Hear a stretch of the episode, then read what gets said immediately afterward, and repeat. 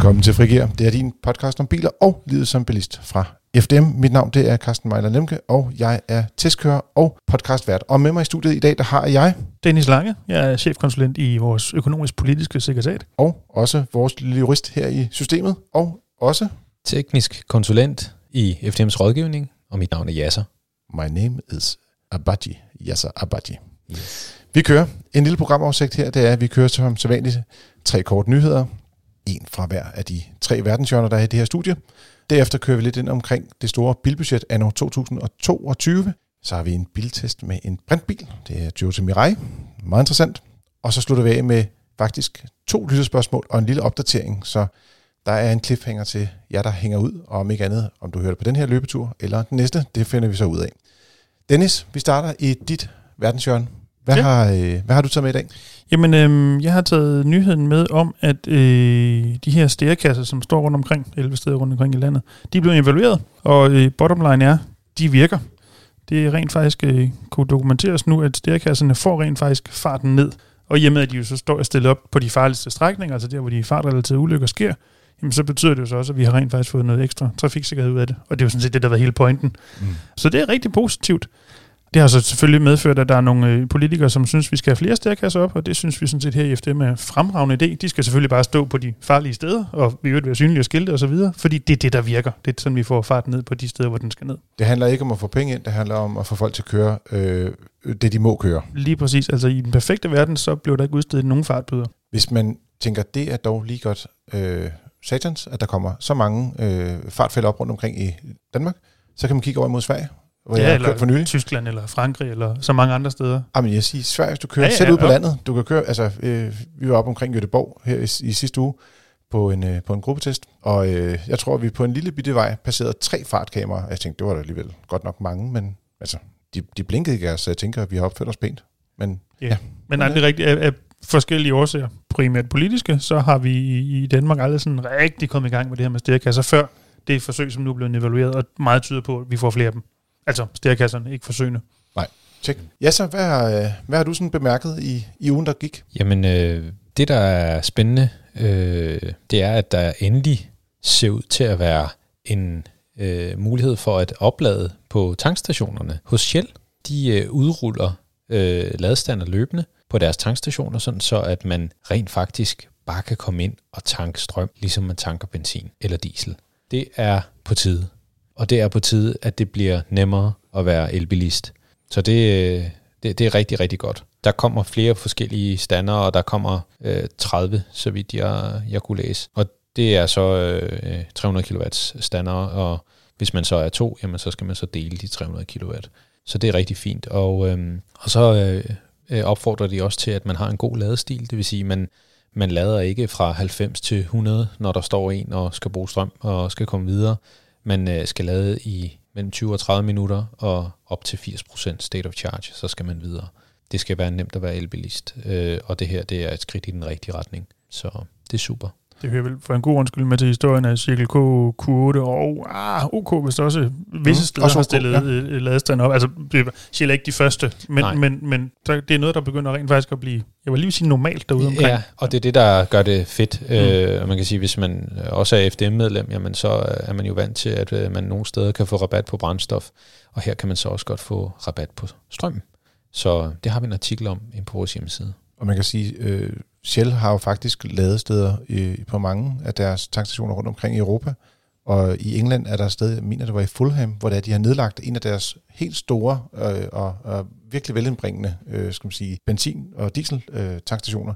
Og så har de lavet det hele om til at være alene elektrisk. Og jeg synes, en af de ting, som der faktisk er ret fede ved det her, øh, hvis jeg skal sige noget sådan lidt positivt, det er, at mange af de steder, hvor der står en lynlader i dag, så er der bare en lynlader. For eksempel øh, det kan godt være, at de står i nærheden af en almindelig øh, tankstation, men, men de har ikke alle faciliteterne til mm. bilen, der hvor det er, du står og lader.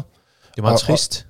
Jamen, det er ikke bare et trist spørgsmål om, du kan ikke få renset din forrude. Øh, altså, alle de der faciliteter, man normalt har som bilejer, man lige fikser nogle små ting, mens man står og tanker. Gå på toilettet. Gå på toilettet. Står i ting. hvis man ikke kan Ja, lige bilen. præcis. Altså, jeg Præcis. synes, det er en meget trist oplevelse at lade mange steder, fordi at den, den er sådan lidt for sig selv, den her stander, og der er ikke noget tag, og der er ikke noget sådan... Sikke en fin mark, lad os stille en ladestander der. Ja, lige præcis. Man kan dog sige, at der findes jo også enkelte tankstationer rundt omkring i landet, og, og endda rigtig mange, som også er blevet sådan nogle øh, tank selv, så at sige, steder, hvor der ikke rigtig er noget service overhovedet. Men, Ja, jo.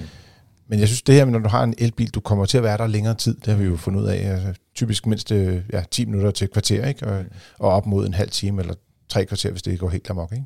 Mm. Så Og hvis det er jul, og det hele er kaos, så skal du holde dig i to timer, så er det også ret at gå på toilettet. Så ja, ja, det tænkte du også, det kunne være et plus. ja det tænker jeg. Altså, hvis der ikke er nok øh, busker og hække og til, nej, det skal man jo selvfølgelig Så, ikke kan gøre. man, så kan man jo lade va- vandet. Ja, så det er mig, der laver de øh, vandede vidigheder. Så øh, det må du lige overlade her til hovedkommentatoren. Okay. Jeg har, øh, har lige haft øh, fokus på en artikel, som jeg synes er lidt interessant. Vi har talt meget omkring det her med, med mikrochips øh, og øh, problemer med levering af biler. Og, øh, og det er jo ikke kun øh, elektriske biler eller plug-in hybrider. Det er jo alle former for biler, der kan være lange leveringstider på. Og, øh, og der har øh, min kollega Anders Vendt øh, lavet en artikel, der handler om, hvordan skal man egentlig forholde sig, øh, hvis det er, at man har bestilt en bil, der ligesom bliver ved med ikke at dukke op, hvor det er, at øh, leveringstiden den bliver udskudt. Og der er rigtig mange øh, ting, som man kan skal man sige, øh, forholde sig til der. Altså, det, det er både, han har ligesom lavet sådan tre emner. Det er noget med, hvad skal du gøre, før du skal under på bilen, for ligesom at sikre dig bedst muligt. Så er der noget omkring, hvis det er, øh, du har bestilt den, og du går og venter på bilen, hvad kan du gøre der? Og sidst men ikke mindst, hvis det er, at du ligesom har fortrudt, og du ligesom kan se den her levering af Enerjørning 5, øh, den først kommer til at være i 2025 eller et eller andet den stil. Nok ikke så sent, men ved, det, vi Hvem ved det jo ikke endnu. så øh, hvad, hvad kan man gøre for at komme ud af sin aftale? Hvordan står man der øh, rent juridisk? Så der vil jeg sige, for dem, der er i den situation, gå ind og læs artiklen på fdm.dk og sæt den i, i sagerne. Ikke mindst før du går ind og bestiller bilerne, er faktisk ret interessant lige nu, hvor det er, at der er så meget usikkerhed omkring leveringstider på biler. Og skulle det nu være at gå helt galt, øh, så har man jo, hvis man er medlem som FDM, altid mulighed for at tage fat i vores juridiske rådgivning, der også gerne hjælper med den her slags problemer.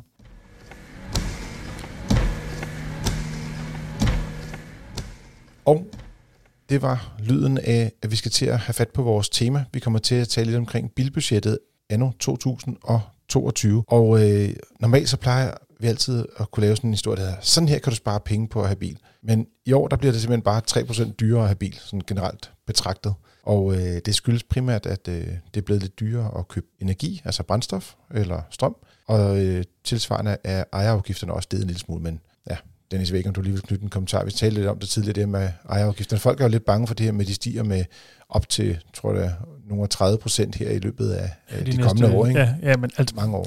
og ja, det er da træls og så videre, men i det, i, sådan, i det samlede bilbudget, så er ejerafgiften trods alt en ret lille øh, post. Altså, jeg vil være mere bekymret for øh, brændstofpriserne end ejerafgiftsprisen. Præcis. Og det, og det er jo, øh, men man kan sige, det der er godt ved, at øh, brændstoffet, øh, det er ikke godt, at det er blevet dyrt, men det der er godt ved, at det er den pris, der stiger, det er, det kan du rent faktisk gøre noget ved.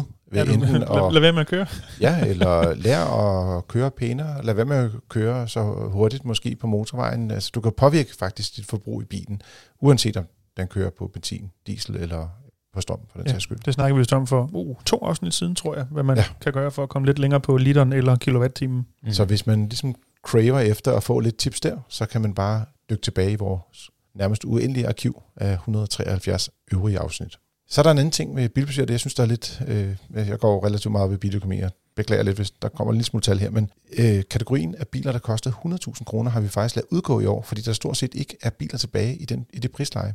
De billigste mikrobiler ligger omkring 120.000, er, som de ser ud, og øh, hvis du putter en lille bit smule udstyr på dem, eller du vælger en minibil, så er du lynhurtigt op på omkring 150.000 kroner. Ja, vi vil faktisk noget derhen, hvor, hvis, i hvert fald, medmindre du vil have den skrabede mikrobil, så koster en sådan mellemudstyret mikrobil nærmest det samme som en næsten tilsvarende udstyret minibil i mange til. Altså det, mikrobilen bliver mindre og mindre relevant på prisen i hvert fald. Mm. Ja, også fordi, at mange af bilerne har stort set samme størrelse motorer, Mm, ja. altså, og, så, og så får du bare en større, mere sikker bil, Mm. mm. som er mere komfortabel og mere sikker. Altså det, jeg, ja, du kan også se det på salgstallene, at øh, mikrobilerne øh, ligesom er, er faldet ud af markedet, og der er jo også modeller, der er udgået Ja, stort set af markedet, ja. altså som for eksempel Folk Vågn Op, der jo har været en meget stor sælger. På et tidspunkt solgt 1000 biler om måneden. Det er jo det er vel mange drømme om at kunne få lov til at sælge. Den findes slet ikke mere. Den findes kun som elektrisk. Ja, jeg skulle lige til gengæld kommer den nu tilbage igen, igen som en e-op. Ja, altså den, den, jeg tror, de sådan genintroducerer den med nogle tilbud, hver gang de får en sending øh, nede fra Tyskland. Ja, ja. Så, øh, og det gør sig nok også gældende for de to søstermodeller fra Seat og, og også fra Skoda. Det er længe siden, at man har kunne købe en, øh, en mikrobil til 80.000. Kan I huske det? Mm. Og det er ikke Der var så Ford jeg husker. ja, ja, ja. lige præcis. Ja. Der så, kan jeg så, huske, som til gengæld huske lige præcis den til 80.000 havde de praktisk talt ikke, så hvis du skulle have en K, skulle du betale mere. Men det, ja, hvis, du skulle have en, hvis du skulle have døre i den, og sådan Ja, noget, så, så præcis, skulle det være lige præcis. Radio. 85, ja. Radio var heller ikke med i basisudgaven. Det synes jeg alligevel var rimelig sindssygt. Vi, øh, jeg, jo, Især når man tænker på, at der er et fradrag. Det var et fradrag dengang på radio, ja, ja. så øh, det var lidt mærkeligt. jeg var på, på et værksted, hvor vi havde med Opel at gøre, og vores billigste Opler, de havde ikke radio af. Så øh, mange af de her hjemmeplejebiler, de, de, de, de blev købt hjem, og så var der ikke nogen radioer i, så vi eftermonterede helt almindelige FM-radioer i dem. Det var gode var tider. sort. Det var gode tider. Øhm, så er det også sådan, at øh, vi har fået integreret plug-in hybrider og elbiler, som jo fylder mere i danskernes øh, bilkøb, især når vi taler nye biler, og bilbudgettet er baseret på køb af nye biler. Og der er det sådan, at øh, før der har vi haft nogle separate regnskab, regnestykker, hvor vi ligesom fortæller lidt om, hvad betyder det i øvrigt med elektricitet, og hvordan påvirker det din biløkonomi. Men nu er det faktisk en integreret del af selve bilbudgettet. Så i de øh, skal man sige, priser, der hedder 275.000 og 350.000 kroner, der er det faktisk, øh, der kan du se forskellen på, om du køber benzin, om du køber plug-in hybrid, eller om du køber elektrisk. Om man køber benzin eller diesel, er der faktisk ikke helt så stor forskel på i dag. Det var der i gamle dage, men øh, der ligger biløkonomi meget tæt op ad hinanden. Så der er, derfor har vi udtrukket, altså at sige, vi har altid kun haft en, skal man sige. Vi har ikke haft benzin og diesel i gamle dage. Der havde mm. vi faktisk øh, sådan noget, om du havde bilen tre år kørt mange kilometer, eller fem år kørt 20.000 km om året. Så, øh, men det, læren der er altså bare, jo mere strøm der er på bilen, jo billigere er den at eje. Og selvom at det, hvad hedder det, strømpriserne er steget for tiden, når vi, as we speak, så er det stadigvæk sådan der. Ja, og du kan jo så også sige, at øh, hvis du kigger på det, øh, så er øh, strømprisen blevet højere, men det er benzinprisen også Præcis. over det sidste øh, halvandet år, kan man sige. Ikke? Ja. Og hvis man kigger på det sådan lidt i, i grove træk, hvis vi er 275.000 kroner, det er der mange, der køber sådan en mellemklasse bil i. Og der kan du få både, altså alle tre drivlinjer. Hvis du så ser de årlige udgifter, så er det sådan, at en benzinbil, den koster cirka 85.000 kroner om året her. Det er mange penge. Det må man sige. Hvis du vælger en plug-in hybrid, så koster det cirka 77.000 kroner. Så der er jo en besparelse der på Mm. cirka 8. Og hvis du så køber en elbil, så koster den cirka 70.000. Og det vil sige, det er yderligere cirka 7.000 kroner billigere. Så du sparer over 1.000 kroner om måneden ved at vælge elbil frem for benzinbil, når man ser over en femårig ejerperiode. Og så er det altså vigtigt at sige, at det er jo selvfølgelig nogle gennemsnitsbetragtninger osv., så man skal kende Det er klart. hvad skal jeg sige, ens eget budget, så skal man, hvis man vil være, være præcis på det, lige sætte sig ned og rent faktisk regne igennem på en eller flere konkrete biler, for at få det rigtige svar. Og der har vi jo faktisk udviklet en, øh, en bilbudgetberegner, som vi også har omtalt tidligere her i podcasten, og den vil jeg helt klart anbefale folk at bruge, hvis det er, de går og overvejer at skifte bil. Fordi for det første kan du sammenligne med sådan lidt grove termer og sige, jeg vil godt have en benzinbil til den her pris, eller også skal du i stedet skrive en pris ind på din, Mm. den bil, du går og kigger på. Og der er også øh, serviceomkostninger med i, og der er også, øh, altså der er alle omkostninger med opregnet med i det her system. Så øh, den, den, den vil jeg klart anbefale, men også gå ind og, og ligesom og bruge. Men øh, læringen var som sagt, at jo mere strøm der er, jo, jo, jo billigere er det. Men en anden ting, det er også, jo billigere bilerne er, jo billigere er det også. Så hvis du for eksempel køber... Ikke overraskende, vel i virkeligheden. Nej, ja, det, ja nu taler vi om, at det, det er jo ikke så, igen heller ikke så Nu kommer, vi, nu kommer vi tilbage til den der, vi havde sidste gang. Ja, lige præcis, jamen, hvor det er. Jo dyrere det er, jo dyrere er det. Nej, hvad er det øh, men, men bare for at sige, hvor, hvor meget dyre det er. Ja. Så hvis du siger, at øh, du køber en bil til 200.000 i stedet for en bil til cirka 150.000, og det er jo så to forskellige klasser, vi kigger på her, øh, jamen så vil du kunne spare cirka 100.000 kroner årligt ved at vælge den billigere bil. Så det er jo ikke kun... Ah, Undskyld, 100.000. 10.000. Ja. ja, det lyder mere rigtigt. Ellers så En million. ud Milliard. at købe nogle, nogle øh, biler til øh, 150.000. Du bliver milliardær ved at købe en bil til 160.000. Nej, ja, 10.000 kroner forskel. ja, sådan lige, det er sådan lige underkanten af en tusse om måneden. Ikke? Ja. Så, øh, ja. så, så der, er, der er stadig noget ved at spare ved at vælge en billigere bil, og værditabet er jo den store spiller i det her system. Og så vil det også altid være sådan, at de mindre biler kører typisk en lille smule længere på literen, og dermed får du også lidt bedre øh, brændstoføkonomi. Ja. Lidt lavere ejerafgifter også og sådan nogle ting. Ja, der vil også kigge lidt over på dig, måske ja, som en billigere bil, er vel også, eller mindre biler, eller typisk en smule billigere, så vi ser også en store biler, eller er det bare mig, der sidder og Altså, digter nu? Ja, vi, vi, vi, vi hørte uh, desværre mange gange at, uh, det her med, at folk de tror, at fordi bilen er mindre, uh, så koster det hele meget mindre. Uh, men altså et, et sæt bremser koster uh, typisk sted mellem 3500 og, og, og 5500, uh, selvom det er en mikrobil. Mm. Uh, så, så det er ikke meget billigere, fordi bilen er mindre, men selvfølgelig hvis den kun bruger 3 liter olie kontra øh, 6 liter, øh, øh, så, så er der noget at, bes- mm. at, at, at, at spare der. ikke. Øh, hvis den omvendt skal oftere til service, så har man måske ikke sparet alligevel. Ja. Så det, det, det, der, der skal man være meget specifik og se, jamen, hvad, hvor ofte skal den her bil til service, og øh, vi bruger heller ikke sådan noget som reservedelsindeks. Altså det får vi også stadig masser af spørgsmål på. Mm. Hvad, hvad koster, altså hvordan er reservedelsindekset på en op kontra en Aigo? Ja, det, man kan sige, reservedelsindekset, øh, det vil være godt at vide, hvad et sæt bremser koster, men det fortæller ikke noget om kvaliteten, eller hvor længe de holder. Så derfor er den sådan lidt død, den her med reservedelsindeks. Jeg synes personligt, at øh, fordi vi havde det, da jeg startede her i FDM for cirka øh, 100 år siden, nej, hvad er det, 15-16 år siden, der havde vi stadig reservedelsindeks især på brugte biler. Mm. Men vi gik også over til at, at se mere på de her reparations- og serviceaftaler, eller service- og reparationsaftaler. Fordi det har jo ligesom, det, det er hele pakken med. Altså, og der er jo også et forsikringselement i det selvfølgelig. Og der, når man kigger på de priser, der kan man se, at de helt små biler koster, om du køber mikrobiler eller minibiler. Der er ikke sådan en helt stor forskel, men når du så begynder at tage lidt større biler, mm. hvor der så også kommer noget mere vægt på, og ikke mindst, og selv, selv elbilerne, de er faktisk billige, men de kommer også til at have nogle udgifter på for eksempel bremser. Der, de har nogle ret store bremser, og de bliver jo trods alt også øh, ikke slidt op, men de bliver så ikke brugt nok, så derfor mm. bliver de, skal man sige, udskiftningsmodne på et tidspunkt. Ja, så øh, generelt set kan man sige, det dyreste, det er, hvis du køber en plug-in hybrid og servicerer, og i midten af feltet, der ligger benzin- og dieselbilerne, og så er det billigste, det er stadigvæk elbilerne, når man ser på de her serviceaftaler. Ja, under motorhjelmen i dag, der finder vi en brint motor, skulle man til at sige. Det hedder det faktisk ikke. Det hedder en brændselscelle. Den laver brint ja. om til energi, og så ligger der en elmotor. Ja. Bilen hedder Toyota Mirai. Det er en luksusbil, der er cirka 5 meter lang. Reelt er det jo så en elbil, der bare kan tankes utrolig hurtigt. Og øh, jeg kan huske, da den første Mirai kom til, til Danmark, der fik jeg lov til at køre den op til den test, der hedder tennistesten, vi har i forbindelse med Car of the Year-kåring. Og der kørte jeg fra ja, København og så op det tennis ligger op ved Hirtals. Så det var en lidt længere tur, og vi kørte ned over broen. Vi, tog, vi snød ikke at tog færgen. Mm. Dengang var der også, jeg tror, der var 15 tankstationer, øh, og i øjeblikket er der kun 6. Så det var lidt nemmere at få lov til at tanke. Jeg, jeg husker, som vi tankede ved Storebæltsbroen, omkring Lillebælt, øh, i hvert fald ved Aalborg, hvor tankede vi også. Vi, vi skulle også have noget, når vi kom frem, fordi der, altså, der var, vi kunne ikke tanke op i Hirtshals, så det var sådan lidt... Der, der, der er endnu ikke kommet en, en brændtankstation i Hirtshals, eller i hvilken som helst andet mindre by. Jamen, der var okay. nogle mindre byer, hvor der var noget, okay. altså, øh, men fordi der så er der noget med, hvor der var de her udviklingscenter for brint mm, i Danmark ja, og sådan noget, ja. så kunne man være lidt heldig at ramme, ja. ramme ind i det. Men øh, øh, dengang var der ikke op ved Hirtshals, så jeg er ret sikker på, at den heller ikke er kommet i mellemtiden. Vi har også lige haft en periode på et år og halvanden, hvor der i hele, i hvert fald Storkøbenhavn, jeg tror også Sjælland ikke var en eneste brinttank nogen steder.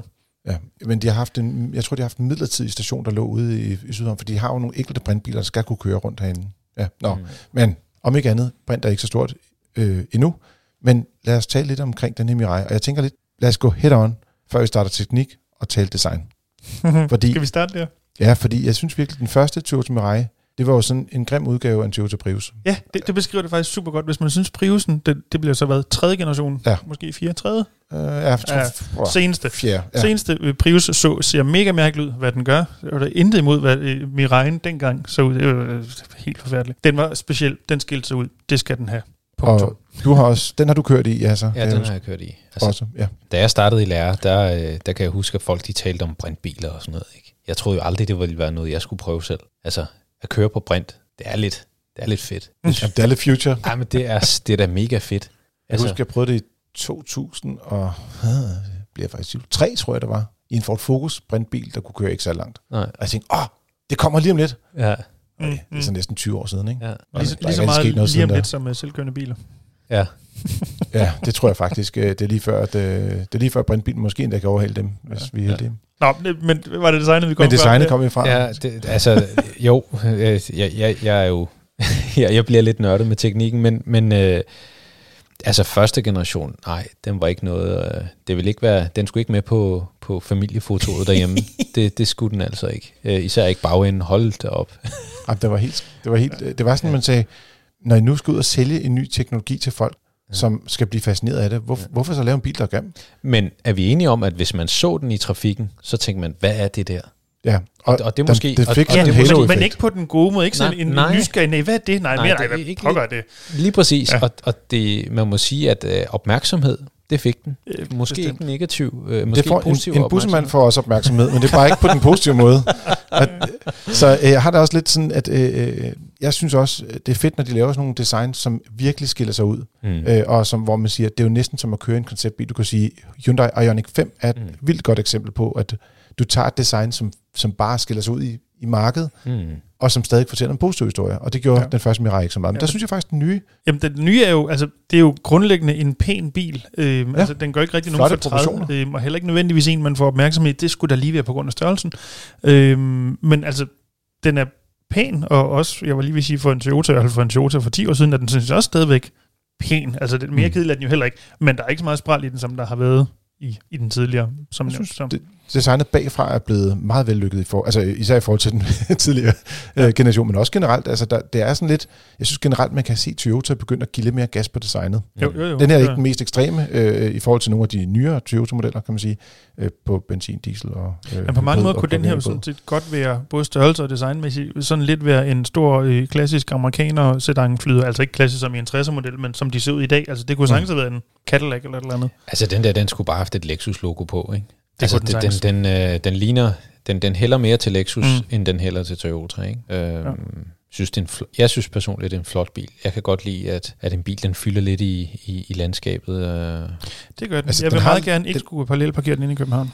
Den har lidt den der lidt X'et, som du også har set på nogle af deres andre modeller, altså i, Ja, i fronten, ikke, der Ja. går ned. Øh, så på den måde synes jeg, de har fået, formået at skabe en pæn bil. Men det er teknikken, hvor det er, den stikker af, kan man sige, på, på grove træk. Testbilen, det var øh, topmodellen, der hedder øh, Toyota Mirai H4, øh, og den koster 662.000 kroner, efter der er kommet en lille smule afgift på i år. Den har 182 hestekræfter og 300 Nm, så den kan godt trække lidt fra bunden af. Går 0-100 på lige over 9 sekunder, og har en topfart på 175, hvilket er meget naturligt for mange elbiler. De kører ikke særlig stærkt. Lidt mere specielt for en 5 meter lang bil, så er det et bagagerummet på 272 liter, og at den så slet ikke må trække noget, 0 kilo på anhængeren. De Ja. sidste to ting er i hvert fald nogle af dem, der ender på minuslisten, vil jeg sige. Ja, det, jeg var ude og køre i den, da I havde den til test for noget tid siden. Jeg sneg mig ned og tog en tur i den. Øhm, ja, bagagerummet, man tror, det er løgn, når man åbner bagklappen. Det er helt sort. Altså, Altså, det er jo helt vildt, ikke? jo, det, Men- det, Men, men, men det er jo ikke engang det værste. Når du så sætter det ind på bagsædet, det kan jeg faktisk ikke huske, om jeg prøvede. Men det, ja, øhm, det vil du godt huske. ja okay, Fordi du, nok. du er kommet ud igen jo, så Ja. jeg tænker, Ja, at du ja, ikke har været derinde. Så der, der er virkelig dårlig benplads, og, og lofthøjden er heller ikke særlig imponerende. Så det, det er bare en bil, hvor man tænker lidt, det er utroligt så lidt plads til at få ud af øh, så meget bil, og det er jo klart, at de har den... Der er, en udfordring. der er en teknikpakke, der, der Ja, ja, ja. fylder lidt. Ja, men ja, så take it away. Altså, det, det er jo ikke... Altså, vi skal jo have komprimeret noget gas, og det skal ned i en gastank. Øh, og den her tank, den har en, en, en vis volumen, og den skal jo være sikker, så den skal også være lavet af noget materiale, som, som kan tåle, at, at køretøjet er impliceret i et uheld og så videre. Ikke? Så, og det fylder noget. Så skal vi have øh, en drivlinje øh, på strøm, så, så, så har vi et højvoldsbatteri, vi har elektriske motorer. Derudover så skal vi jo lave strøm, og den, der tager vi jo lidt fra, fra den her øh, øh gas, som så skal igennem brændselscelle, som så laver strøm. Må, må, jeg, må jeg lige indføre en lille smule? Det er bare fordi, nu er så gas på gangen. Og Ja. hvis lytterne er i tvivl om, du så sidder og taler om naturgas, så mener du, at, at, at brint er Brint. jo en, i en gasform, Gasform. eller gasform, ja. Lige præcis. Godt. Og når man tanker, så, øhm, så tanker man, ja... Øh, Øh, flydende brint. Ja, og, og hvor, hvor mange kilo er det, den, den har max? Er det en 5 eller sådan noget? 5-7 kilo eller sådan noget? Men, Det er men et godt spørgsmål. ja. I hvert fald er det nok til, Er der at nogen, der kan huske øh, massefylden på, øh, på hydrogen? Nej, Så kan vi lige regne det ud. Nå, okay. Ja, jeg tænker lidt, øh, hvis vi bare siger, at når du har fyldt den helt op, så har den officielt en rækkevidde på 650 km, Ja. men vi kørte med blandet kørsel omkring 500. Sjovt nok passer det stort set med, hvis du tager de store øh, batteridrevne SUV'er, de kører også omkring 500, hvis du kører blandet, og 400 km på motorvej. Ikke? Mm. Så, nå, sorry, yes. Ja. Men Det var bare for at sige, det er brint, man fylder på. det er brint, man fylder på, Yes. på en tank, som så skal ud i en brændselscelle, som så laver strøm, og så får, øh, så får du en elbil, kan man sige. Og det smukke ved det her, det er, du har øh, brinten, som hedder H. Ja. Og så, Så blander du du det to med- af dem, og så med en oxygen-ting, så bliver det H2O. Ja. Og i den proces, så kommer der lidt, lidt varme, og den varme bliver til strøm, som jeg forstår det. det du, du, har, du, og den, du op, opsamler den der proces, der går med brinten og ilten, og så bliver det til energi. Yes. Velkommen til Og- grundlæggende og- kemi med og, Carsten. og Nå udstødning. jo, men hvis folk og- lige, og- og- lige, lige har været i kemisektionen her, men det smarte er jo så, at det, der kommer ud af bilen, er jo så vanddampe, eller, eller bare vand. Vand, ja. Ja. ja. Øh, på et tidspunkt kunne jeg huske, at øh, så kunne du, øh, altså så er der sådan en knap i bilen, så kan du trykke på den, og så, så, så skyder den så vandet ud. Det er der, som jeg husker det også i den her. Du øh, kan, øh, Prøv, prøvede du at drikke det? Nej, men det, det, det siger de, altså, at øh, de havde også nogle vandflasker i de her biler til deres pressebiler, øh, hvor at, at de sagde, men du kunne lige så godt tage vandet fra udstødningen og drikke det. øh, Så- Jeg, jeg, jeg tilbød det faktisk til det russiske jurymedlem øh, i Car of the Year, øh, Ja. skal man sige, øh, kåring der, så oppe i tennis, og Ja. ja. jeg har også drukket det på, faktisk øh, øh, på morgen TV, drak jeg det også. okay. Okay. Øh, det, det lugter lige lidt femset, men Ja. øh, selve vandet øh, er meget rent og, Ja. og fint at drikke, Okay. så man bliver ikke syg af det. endnu. Ej, okay, det er mange år siden, så der burde, være, der burde have sket noget med systemet, hvis det var. Jeg synes i hvert fald, det er, altså på, på, på tekniksiden kan man sige, hvis man vil noget komplekst, hvis man er super tekniknørd, så er det her det ypperste, man kan få. Jeg Mm. synes bare, og det har ikke noget med teknik at gøre, der er en ting, man skal gøre sig klart, inden man køber den her bil, og det hænger sammen med, at man skal have prøvet en tur i den, som vi har nævnt så mange gange. Øhm, baseret på min egen tur. Bilen er ret lav, øhm, som, Mhm. som, som bil Mhm. i det hele taget. Men til gengæld så har den jo lidt, som mange elbiler også har, at bunden til gengæld er ret tyk, det vil sige, inde i kabinen er bunden ret høj. Ja. Det er sådan lidt mærkeligt at stige, at du skal stige ned, men benet rammer ligesom gulvet, før du tror, det gør. Men når man så sidder der, så betyder det så også, at øhm, gulvet er, grov, groft sagt, næsten i højde med overkanten af sædet, så du sidder med benene sådan lige frem. Hvis man er en, der har lidt rygproblemer, som kunne være mig, så er det del med ikke en god kørestilling. Det går mm. Mm. meget hurtigt galt, skulle jeg sige. Øhm, så det skal man lige gøre så klart, at man kan fysisk leve med den der lidt aparte kørestilling. Mm. Mm. Ja, så man skal få kørt en god tur i det, og mærke efter, at man sidder oven i bilen. Det gælder selvfølgelig altid, men jeg vil sige, generelt er der flere elbiler, som også lider det her. Øh, BMW iX er jo også en af dem, øh, hvor der er, at batteribunden er så høj, Ja. at, du, at du sidder faktisk lidt for tæt på med, med, med, skal man sige, med fødderne Ja, øh, præcis. i forhold til resten. Ja. Men jeg, jeg har så simpelthen du skal, ikke være form, du skal ikke være Formel 1-kører, kan jeg Nej. høre på det hele, Nej, fordi de ligger jo stort set ned, når Ja. de kører. Ja, Mm. godt. Jeg har ikke prøvet nogen, nu har jeg ikke prøvet så mange biler, som i hvert fald du har, Carsten, men jeg har ikke prøvet nogen, hvor, hvor det er så udtalt, som det lige mm. Præcis her i Marine. Det, det, altså, man føler, man sidder på gulvet, bogstaveligt talt. Men hvis man sidder godt, så kører man også rigtig komfortabelt. Ja, Den ja, har en utrolig dejlig komfort. Det er sådan rigtig, altså som du sagde i starten, det er en rigtig amerikanerbil det her, Mm, ikke? ja, Altså, det er sådan en flyder. rigtig flyder. Ja. Mm. Altså, den kunne lige så godt have haft et Lexus-logo på. Det synes jeg faktisk havde, havde passet lidt bedre. Men jeg tror, det er, det, er- det er en branding-øvelse også lige det her, fordi at man ved jo godt, der ikke bliver solgt så mange af de her Mirais herhjemme. Det, det er primært mm, taxa, lig- ligesom Lexus. for lige at trække det ud. Ja. Øh, Vi har lavet en, øh, en økonomiberegning på den også. Det koster cirka 7 kroner per kilometer, hvilket vil sige, at det, det er helt klart også op i den, i den dyre ende. Mm. Øh, selv de, de dyre elbiler ligger omkring sådan noget 4 til maks 5 kroner per kilometer. Så det er, altså man skal, man skal ville det her. ja, og, og jeg synes også lidt, hvis man skal tage den, sådan lidt, den store diskussion i det her, så er det lidt det her, når folk de siger, når brandbilerne kommer, brandbilerne kommer. Altså, ja, det, det, er mere den der driver-tjeneste, der får dem, og du kan komme ud og køre i dem som, som kunde, altså som i, i, Men i vi er enige om, at Storkøbenhavn, der, ikke? der, er ikke, der er ikke registreringsafgift på det her køretøj, vel? Ja, og jeg tror, Ja, den er der er så dyr, den lige når på, på den øverste del af det. Ligesom Okay. hvis det var en dyr elbil. Den, den fik faktisk Okay. lidt lige her ved skiftet til 22 faktisk på, Okay. okay. på prisen. Fordi, fordi altså, det viser jo også bare, at, at den her teknologipakke, den er så dyr, Mm. øh, at vi står ikke over for om to-tre år. Det, det hører vi for eksempel i, i, i rådgivningen. Hvad, hvad, hvad sker der snart? Øh, øh, hvis jeg køber en øh, Ioniq 5, jamen er den så øh, outdated i næste uge? Ja, det er den. Det er elbiler men, og men- alt muligt andet, du køber. Lige præcis, men Ja. det er jo ikke sådan så, at, at øh, vi lige pludselig får et eller andet nyt brændstof eller Nej. nyt batteris, øh, og det hele det koster 5 kroner i Fakta, skulle jeg til at sige. ikke? Her, her der kommer øh, en relativt stor udvikling, også fordi der findes ikke særlig mange brandbiler. Mm. Men Altså, skal hvad lige kan man købe?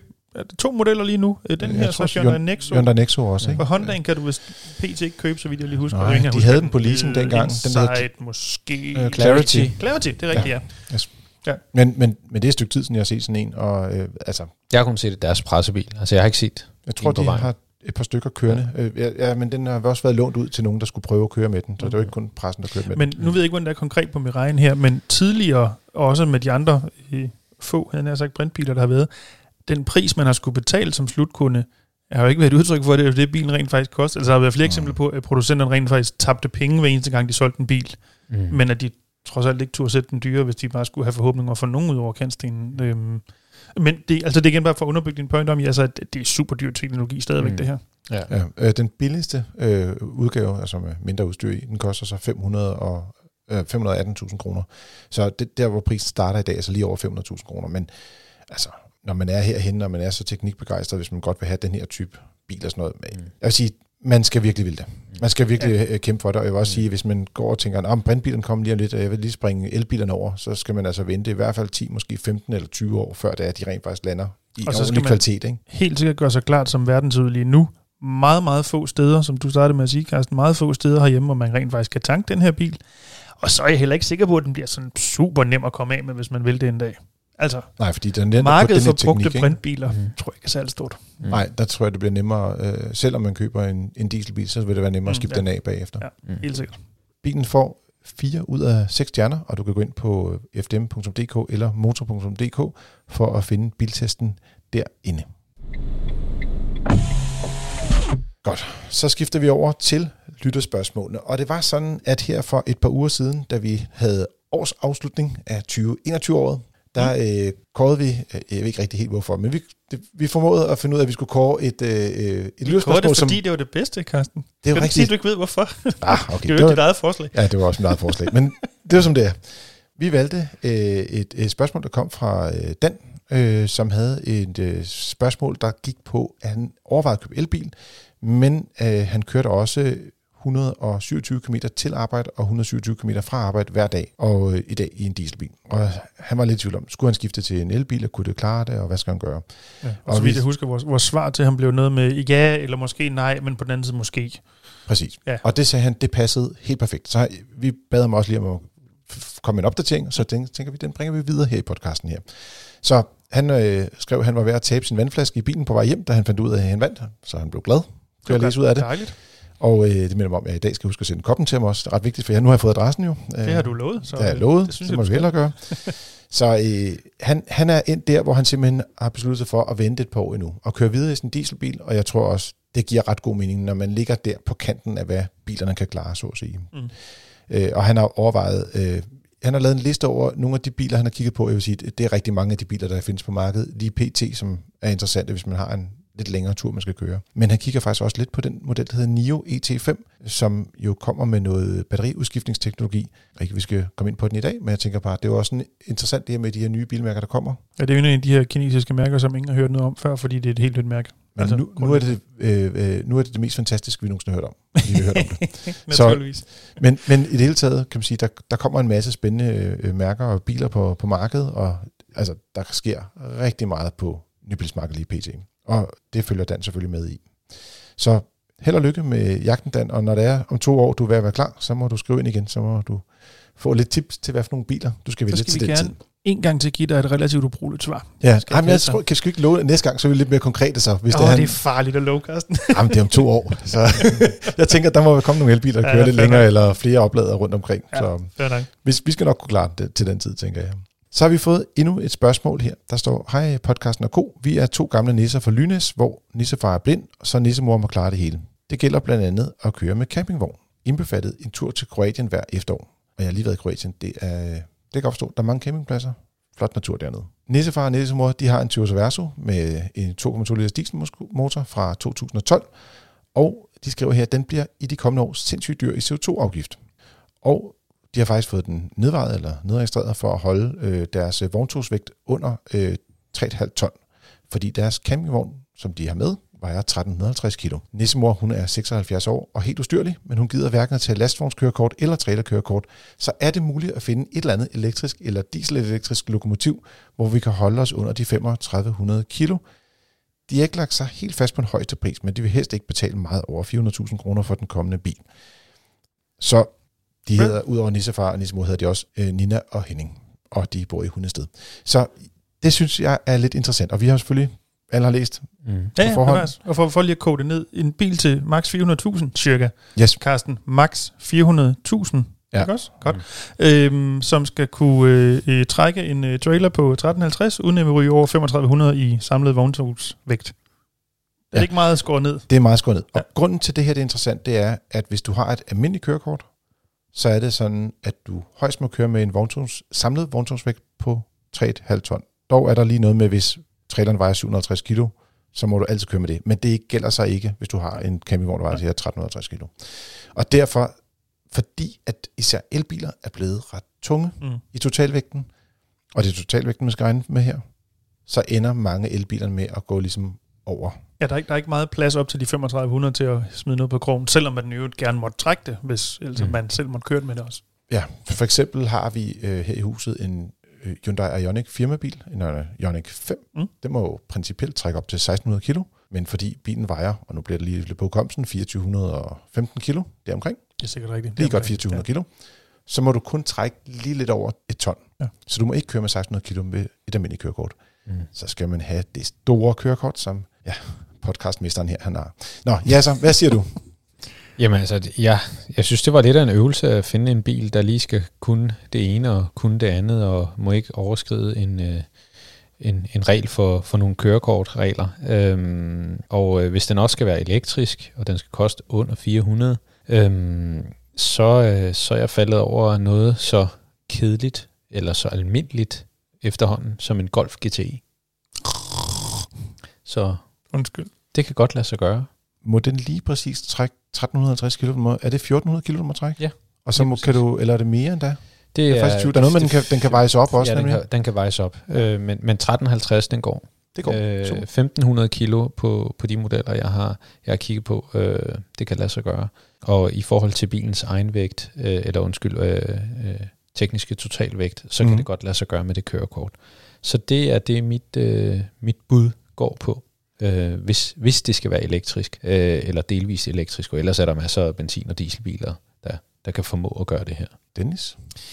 Jeg er, er meget spændt lige nu. Ja, det kan jeg godt forstå. Jeg synes også, det var super svært. Øhm, og øh, inspireret af, at Carsten, du altid plejer at bøje reglerne, når vi har den her slags regler, ja, så bøjede jeg dem også en lille bitte smule. Det er ked at du siger allerede nu. det siger. øhm, og så tillod jeg mig faktisk at lægge endnu et krav ind. Øhm, ikke fordi de skriver det sådan eksplicit, men jeg tænkte, øhm, som jeg læser det, ellers kan man, altså, kalder man vel ikke sig selv for nisser, så er de ikke, øhm, det er ikke de yngste. Og de har i forvejen en Versus, som jo ikke er en, en rigtig høj bil, men en halvhøj bil. En, der er nem at komme ind og ud af. Så det tillod jeg mig at smide ind i ligningen også, at den skal sidde, når man Mm. godt vil lidt, lidt op. Hvis så det skal lugte lidt af strøm, men det er godt nok meget lidt, det medgiver jeg, så er jeg ind på en øh, Hyundai Tucson mildhybrid, som prismæssigt og vægtmæssigt lige kan snige sig ind. Det er til gengæld en høj bil, dejlig stor bil, masser af plads. Men ja, da vi snakkede sammen tidligere, der ville du også nyde på en anden måde, kan jeg huske. Vil jeg? Det, Ja. ja. simpelthen, vil jeg snyde? Det har jeg simpelthen glemt. Jamen det var, at et af kravene var, at Nissemor, hun ikke gad at tage det her Nå, det er fair nok, ja. ja, ja og- det er rigtigt. Jeg troede, det var den, du var i gang Nå, med. nej, at det var at faktisk ikke engang den. Men det er rigtigt, det, det sagde jeg også til dig. Det synes jeg egentlig stadigvæk, at, at altså, fair nok, at hun ikke vil. Det er ikke, fordi vi skal tvinge hende til det. Men hun kunne jo overveje, om hun ikke alligevel måske skulle tage et trailerkørekort. Det giver i hvert fald lidt flere muligheder, især hvis man gerne vil have noget, der er elektrisk, fordi så har du lidt mere vægt at gøre godt med. Ja, fordi så kan du gå over og købe for eksempel den der Hyundai Ioniq 5 eller Kia EV6 eller nogle af de andre elbiler, som må trække 1350 kilo eller mere. Ja, præcis. Det er jo ikke så mange endnu, der, der kan fås øh, med, med så høje trækvægte. Nej, men det kommer jo lige så stille. og, øhm, og der kan man ja. stadig holde sig under 400.000. Og selve kortet koster, øh, jeg mener det er om 5-6.000 kroner og sådan noget. Jeg har selv taget det på et tidspunkt. Og jeg vil sige, det er jo selvfølgelig en lille bit smule intimiderende, men i bund og grund, så får du bare nogle rigtig gode tips til at køre med øh, træk. Og den, øh, skal man sige, trailer, jeg kørte med, den var i hvert fald den var selvfølgelig tung, men den var jo ikke nær så uhåndterlig, som at køre rundt med en, altså den campingvogn, som mm. de Mm. kører rundt med øh, til, øh, skal man sige, på deres lange ture. Mm. Og jeg kan også godt se, at der er stor forskel på at kunne lave en øh, trepunktsvending på en, en lille plads, som man øh, kommer til, når man skal lave sådan noget. Skal man jo kunne vise, at man kan dreje rundt, Naturligvis. Og den skal helst stå der første gang. og den skal helst være der sådan nogenlunde første gang, og det kan der være lidt, øh, lidt pres på. Men øh, Hvad har du Hvad- valgt, Carsten? man kunne måske godt opfordre, at hun... Hvis, hvis de vil gå den rigtige elektriske vej, som jeg synes var det rigtige at gøre, så vil jeg nok opfordre jeg til, at man måske Carsten, lidt han, fortsætter, udenom. han, han har snydt på Han alle parametre, tror jeg. Ja, Hvor højt er du op? øh, 600? 800? En million? Hvor højt er du op? ja, privatchauffør. nej, det, vi er ikke, vi er ikke derhenne. Nej, nej, Autocamper i stedet for. Han Sælg det hele og han køb en solgt, autocamper. ja, Ja, han men har solgt det, deres campingvogn. det, det er lidt kedeligt, men jeg, jeg er faktisk lidt over i det samme, som øh, Yasser er, er på, og, øh, og jeg tænkte, at øh, de er sådan nogle mennesker, som også... Jeg vil være lidt, lidt imellem jer to, faktisk. Mm. For jeg vil godt holde fast i det her med, at de har mulighed for at køre på strøm til hverdag, og dermed skal vælge en plug-in hybrid. Og der kan vi jo se den der øh, pakke, de har fra øh, Folkevogngruppen, den kan jo rent faktisk varme kabiner op om vinteren, og man kan køre alene på strøm, selvom det er koldt udenfor. Vi har lige haft en test, hvor vi viste det, der så ikke så mange af de andre, der kan. Faktisk, de fleste tænder faktisk en benzinmotor. Men, Starter benzinmotoren. Starter benzinmotoren. yes. Ja, over det Det er en detalje. altså egentlig havde jeg drømt om, at jeg kunne sige til dem, at de kunne tage sådan en Tiguan e-hybrid. Men den starter på 440.000 kroner, og det er lige overkanten. Men det er også en stor bil. Det plejer ikke at være en uh, hindring for dig. Nej, det ved jeg godt. Men øh, jeg tænkte, og jeg havde, så havde jeg faktisk to andre biler. Så vil jeg gå over i det spanske. Så jeg tænker Seat eller Cupra. Og der kan man enten vælge en Leon, som faktisk også lever op til det i stationcar, hvor du også får en ret god praktisk bil til hverdag. Og så kunne man måske overveje den model fra Cupra, der hedder Formentor. Den findes også med en øh, hybrid øh, teknologipark, der ikke har så mange hestekræfter, hvor prisen også er nogenlunde fornuftig. Og der kommer du en lille bit smule højere op end med en almindelig Ja, ja den Seat er sådan, Leon. ja, Men- eller, men- den er ikke men men fuld SUV høj, men lav SUV, Nej, det er sådan skråstrej høj hatchback. et eller me- andet. mellem ja. SUV. man Men vægtene passer. Ja, vægtene passer stadig. Den kan jo stadig uh, trække de samme ting som Golfen Super. jo. Så, øh, og i hvert fald kan den trække 1350 kilo. Mm. Det er Ja. meget sjældent, at man egentlig anbefaler plug-in hybrider, men jeg vil sige lige præcis det her, når folk skal trække øh, en trailer, Mm. så kan det give ret god mening. Ja, det, giver- altså i det her tilfælde giver det super god Kunne mening. Det ikke få mange plug-in hybrid, eller den kan ikke trække så meget Jo, måske? det kan Den godt for få tung. som plug-in, ja, og så Den bliver er den for nemlig for tung. tung. Ja. Selve Ah. bilen er for tung, så vi ryger over de 3500. Jeg var det er det, der er også inde og kigge på den, Ja. og, den, og den er for tung, desværre. Ja. Øhm, Men Og- altså mildhybriden, eller for den til skyld, øh, den almindelige benzin, holder sig vægtmæssigt under. Mm. Mm. Øhm, men plug-in er for tung. Og så er der den sidste lille kravat, hvis man skal sige på den måde. Hvis de nu stadig er lidt glade for det, og synes, at den her øh, afgift stiger voldsomt, det gør den jo også i procent, men som vi også var inde på tidligere, da vi talte om biløkonomi, så udgør selve ejerafgiften ikke så stor en andel af det samlede Nej, biløkonomi. altså det, er det, er jo, det er jo lidt det, de så selvom den stiger fra Mm. 4.000 til, øh, lad os sige, øh, 5.000 eller 5.200, så er det jo ingenting i forhold til at gå ud og brænde 400.000 af på en ny bil. Som jeg godt kan forstå, man gerne vil gøre, for okay, det synes jeg er det fedt. Det altid er godt at gå ud og købe nye biler. Øh, men nej, det skal det, vi altså, ikke det er holde sig tilbage på. ejerafgifterne stiger, det er jo rigtigt. Øh, I forhold til 21, så når vi rammer 26, har de steget lige knap 37 procent.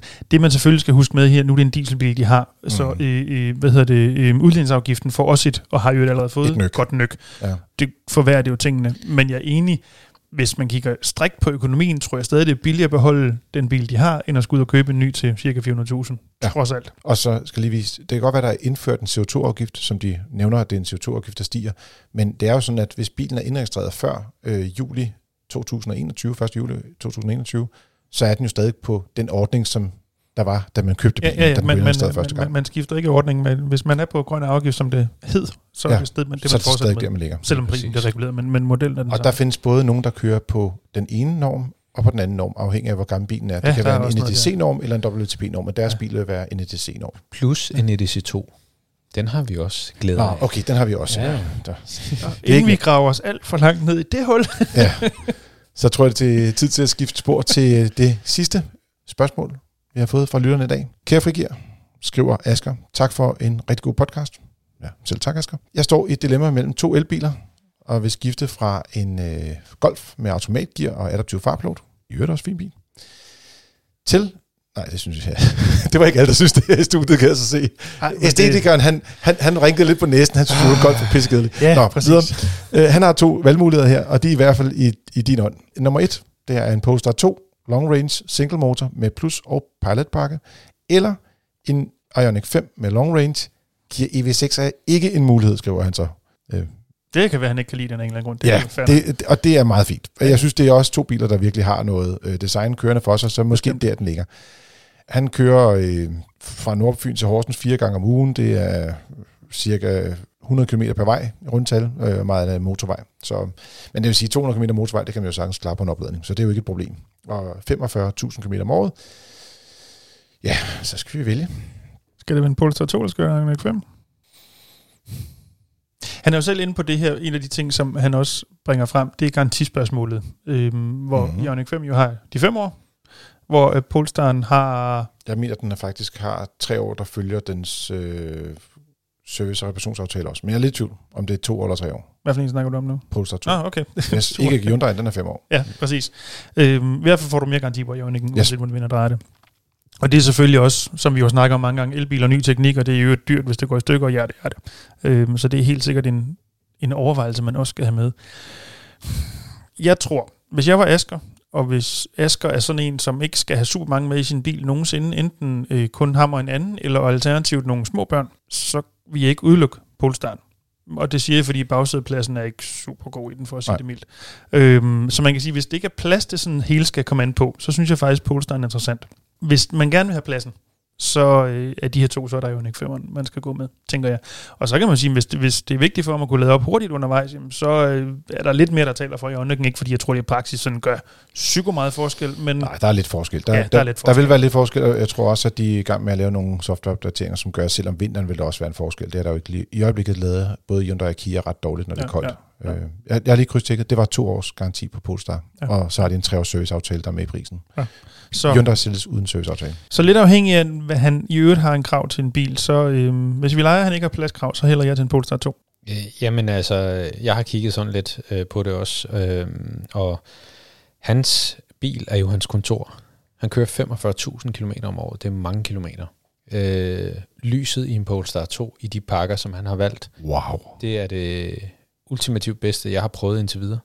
Øhm, så, så det betyder meget for sådan en som mig selv. Øh, derudover så kan bilen prækonditionere, øh, inden den skal hurtigt lade. Det gør altså, at, at man får en, en fordel med en tempereret batteripakke inden opladning. Øh, tre års øh, øh, service, det betyder, at øh, den her bil, den kører gratis i tre år i hvert fald. Men Så gratis som det nu er at købe en bil til Ja, knap en halv million. Lige præcis. Ja. Men, men så kommer vi til det her med, med, med garantien. Så hvis han kan tegne en eller anden form for udvidet garanti eller et eller andet, det ved jeg ikke, om det er en mulighed hos Polestar, som det er hos nogle af de andre, øh, så vil det være måske en af de ting, man sådan ligesom skal overveje lidt mere. I forhold til øh, service, øh, så kører Polestar to år eller 30.000 i forhold til service, hvor Hyundai kører et år eller 30.000. Så, Øh, så der er lidt forskel også på dem, øh, og man kan Men, også... men han kører 45.000 Ja, om året, så han, han 30.000. rammer det jo inden for et år. Jo. Han rammer, han rammer det inden for et år, det gør han. Ja. Men, men, men hvis han har tre års serviceaftale med, så, så er det værd at tage med i, i, i de her beregninger. Jeg vil helt klart sætte mig ned og lave nogle beregninger på, hvad koster det at køre i de her biler. Øhm, og så ligesom finde ud af også, hvor, hvor meget det betyder for en. Men, men i forhold til, at han skal sidde i en bil, og, og det er hans kontor, så vil jeg sige, at der, er- der er Polestaren bedre. Jeg synes ikke, man sidder så godt til at køre 45.000 i en Ioniq 5. Det synes jeg ikke. Men det er selvfølgelig ikke en også helt individuelt, hvor en krop er og Lige hjerte er det, ikke? præcis. Men ja. Lige præcis. Hvad Jamen, siger du, Carsten? Jamen, jeg er meget enig. Øh, og jeg synes også det der med, han skriver også noget med, at han er ude og prøve bilerne, og også øh, prøve deres køreassistenter af. Mm. Og øh, noget af det her er jo også, øh, når man skal vurdere en køreassistent, og det er også derfor, jeg siger, at man skal altid ud og prøve at køre en bil, det er jo lidt personlige præferencer, hvordan man godt kan lide den agere. Ja. Og der siger han rent faktisk, at han er mest glad for at køre Polestar 2. Så jeg vil sige, det tæller i den retning i hvert fald. Øh, Og nu er deres serviceaftale jo ikke med ubegrænset kilometer, som jeg husker, det skal jeg lige krydstjekke. Men jeg vil sige, det, det, jeg synes, det tegner på, at det er Polestar 2, som vil være den, den mest rigtige bil at køre med. Og selvom vinteren vil den i hvert fald kunne øh, ramme øh, 200 øh, km, øh, virkelig som minimum, ikke? Jo, jo, jo. Øh, for den kører noget længere, når det er med den lille motor. Mm.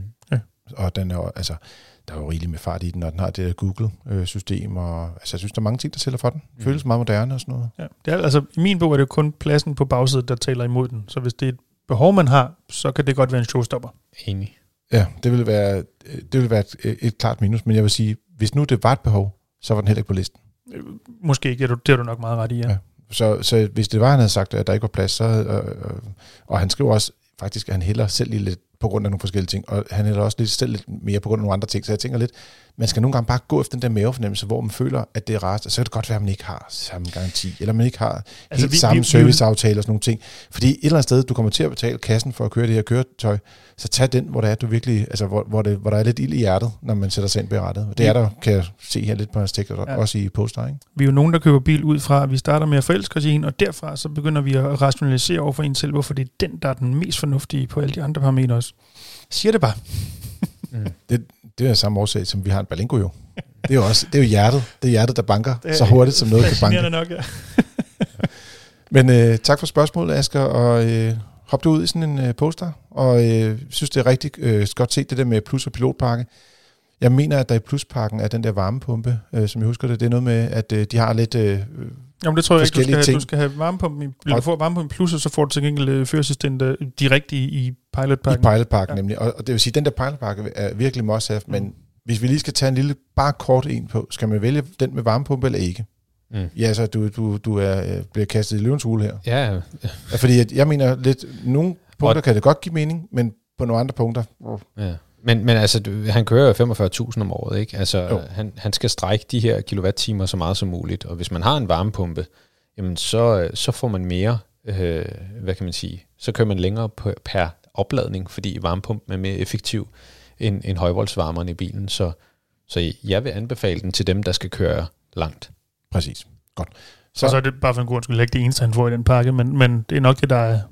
Ved ikke, om det er mest relevant. Jo, det er det måske nok. Han Jamen, får det- bedre det- sæde også for os et sted. Så. Ja, men jeg vil også sige, det er, også, det er en af de ting, som man siger, at øh, det er der mange, vi har anbefalet at sige, gå efter en bil med varmepumpe, og det, det Mm, kan du kun få, præcis. hvis du vælger den pakke. Du kan Ja. ikke købe det separat nemlig. Nej, præcis. Du er lidt til Frigir. Det er din podcast om biler og livet som bilist. Husk at give os en milliard stjerner i en podcast-app og anbefale os til en ven. Det kan hjælpe os lidt mere. Vi vil gerne ud til, til alle og forklare dem lidt omkring, hvordan livet er som bilist her i Danmark. Du kan også sende et spørgsmål til podcast.fdm.dk. Gerne. Jeg vil meget gerne, så vil Jasser og Dennis og jeg gerne svare på dem. Dennis, tak fordi du kom i dag. Tak og lige mod. Og Jasser, tak for din indsigt. Ja, selv tak. Og til dig, kære lytter, tak fordi du lyttede med, og god tur derude.